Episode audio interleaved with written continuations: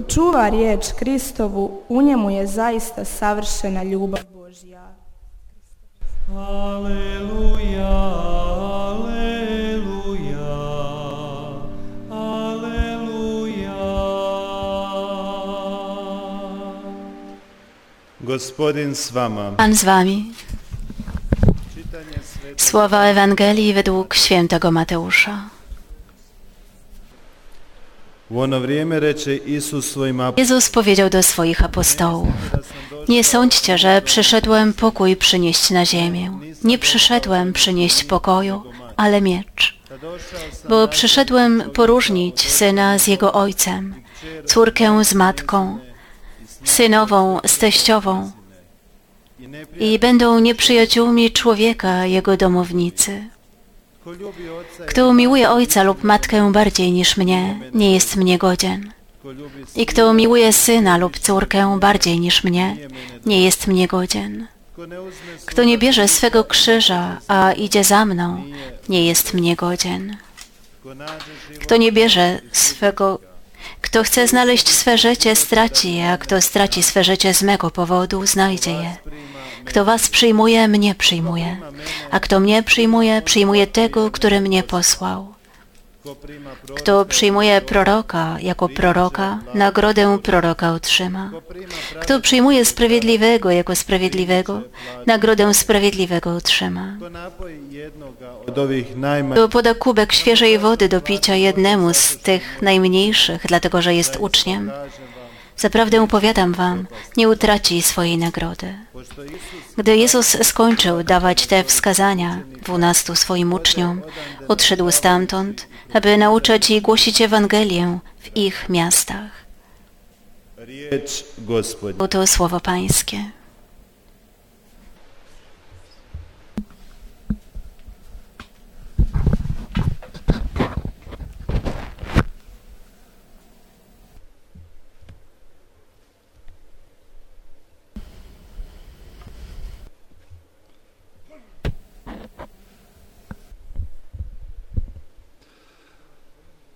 Draga braćo i sestre, u- Drodzy bracia i siostry w Chrystusie Panu, u ewanđelskom odlomku. W fragmencie Ewangelii, które właśnie usłyszeliśmy, Jezus dwukrotnie daje wskazówki. Z jednej strony są to wskazówki dla apostołów i wszystkich, których posyła, by głosili na całym świecie Jego imię. A z drugiej strony mowa jest o wskazówkach dla tych.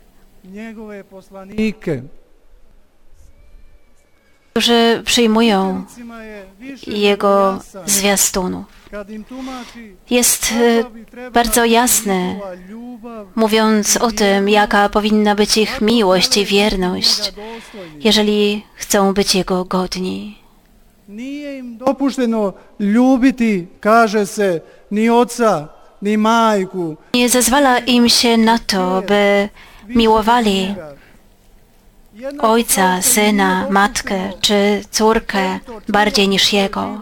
Tak samo jak nie jest im pozwolone to, by cały wysiłek swój włożyć w to, by zachować życie. Wręcz przeciwnie, mówi Jezus. Trzeba być gotowym, aby stracić życie dla wiary w Niego. Drodzy bracia i siostry, ta mowa Jezusa brzmi ostro. Tak samo to żądanie, tak jakby było to coś niemożliwe do wykonania, niezrozumiałe. Żaden nauczyciel wcześniej przed Jezusem Chrystusem visoke nie stawiał tak wysokich wymagań. Czyż nie jest straszne wyrzec się ojca czy matki? Ja mam się wyrzec mojej matki, która mnie urodziła. Mam się wyrzec rodziców, którzy dali mi życie. By ktoś celowo wyrzekł się syna lub córki. Tak, z pewnością. Jest to straszny fakt. Dlaczego Jezus właśnie tego dziś wymaga? Człowiek mógłby się zastanowić, jak to, że ma serce, aby postawić nam takie żądanie? Można by zwątpić w jego misję i dwie, dwa przykazania miłości, które wypowiedział. Miłość do Boga, a z drugiej strony miłość do człowieka. To twarde słowa, powiedzieliby słuchacze Jezusa w tamtych czasach, ale my również mówimy to, jeśli chodzi o dzisiejszy tekst Ewangelii. Ale choć jest to twarda mowa, spróbujmy teraz odkryć prawdziwą jej znaczenie. Bo nie możemy uwierzyć w to, że Jezus jest przeciwko czwartemu przykazaniu Bożemu. Nie możemy uwierzyć w to, że Jezus jest przeciwko miłości do braci i sióstr. Z drugiej strony, gdy ponownie spojrzymy na świat, w którym dziś żyjemy, zobaczymy, że wielu jest tych, którzy w ogóle nie przestrzegają słów Jezusa, ale w swoim życiu zrealizowali to dosłownie. Jak wielu jest takich, którzy wyrzekli się ojca, matki, jak wielu ludzi przekreśliło syna lub córkę, ale nie z powodu Jezusa Chrystusa, lecz z powodu siebie, z powodu swojej pychy, goryczy, próżności, niemożliwości wybaczenia. I kto wie z powodu czego jeszcze. Na ile sami siebie wyzbywamy się ojców, matek, braci, synów i córek, bo być może w starości, w ich samotnych dniach nie poświęcamy im uwagi, nie dzwonimy do nich, nie słyszymy się, nie widujemy ich, usprawiedliwiając się zawsze od nowa swoją pracą, obowiązkami i innymi powodami. A traži li Isus doista to od nas? Czy Jezus rzeczywiście tego od nas wymaga? Zapravo istina o odricanju o Co kojem jest prawdą o wyrzekaniu się, o czym mówi Jezus? Jak widać, Jezus wymaga czegoś innego. On wymaga, abyśmy uporządkowali wartości w swoim życiu. To zupełnie normalne i naturalne, że będziemy kochać swoją e, rodzinę, rodziców, bracia i siostry, ale Jezus dziś od swoich uczniów pragnie, aby On był dla nich na pierwszym miejscu. Dlatego nie wymaga od nas, abyśmy mieli w nienawiści rodziców czy rodzeństwo w dosłownym tego słowa znaczeniu, lecz wymaga, abyśmy Boga postawili na pierwszym miejscu, bo to jest ważne dla tych, do których zostaliśmy posłani. Dlaczego Bóg na pierwszym miejscu?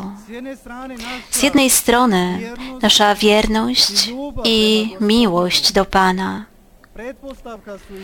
są założeniem i fundamentem wiarygodności tego, który głosi, bo umożliwiamy tym, którzy przyjmują nas do swoich domów, do swojego życia, aby zasłużyli na tę samą nagrodę. Czyż Jezus dziś nie powiedział, kto was przyjmuje, mnie przyjmuje. Kto mnie przyjmuje, przyjmuje tego, który mnie posłał. Czasami może się przydarzyć, że my, kapłani, żałujemy z tego powodu, że wierni nie przyjmują nas właśnie tak, jak powiedział Pan, albo nas nie słuchają, czy też nie służą nam tak, jakbyśmy tego chcieli, jak sobie to wyobrażamy. Ale o jednym tu zapominamy. Często zapominamy o pierwszych wersach z dzisiejszej Ewangelii. Zamiast my weryfikować naszych słuchaczy, powinniśmy byli najpierw zweryfikować własną miłość do Pana i sprawdzić, czy rzeczywiście jest ona pełna, całościowa, czy jest bezinteresowna, czy jest szczera. Jeśli nasza miłość taka nie jest, to nie mamy prawa nawet oczekiwać, że wierni będą przyjmować nas tak, jak Pan założył. Dlatego dziś my pierwsi powinniśmy zapytać siebie, czy przestrzegamy tego słowa Jezusa, czy jesteśmy świadomi, że wypełniamy Jego misję na tym świecie, czy głosimy Jego słowo w sposób proroczy, czy żyjemy w sposób proroczy. Pan nie proponuje kompromisu. Albo należysz do Niego, albo nie. Nie ma środka. Nie trzeba też żyć w obłokach i oczekiwać jakiegoś e, idealnego, lekkiego życia, bo ten świat nigdy chętnie nie przyjmował proroków, kaznodziei, ani też nie był zachwycony ich głoszeniem. Jeśli słuchaliśmy uważnie Ewangelię, Pan wręcz przeciwnie proponuje krzyż jako drogowskaz. Nie oferuje niczego idealnego, lecz krzyż.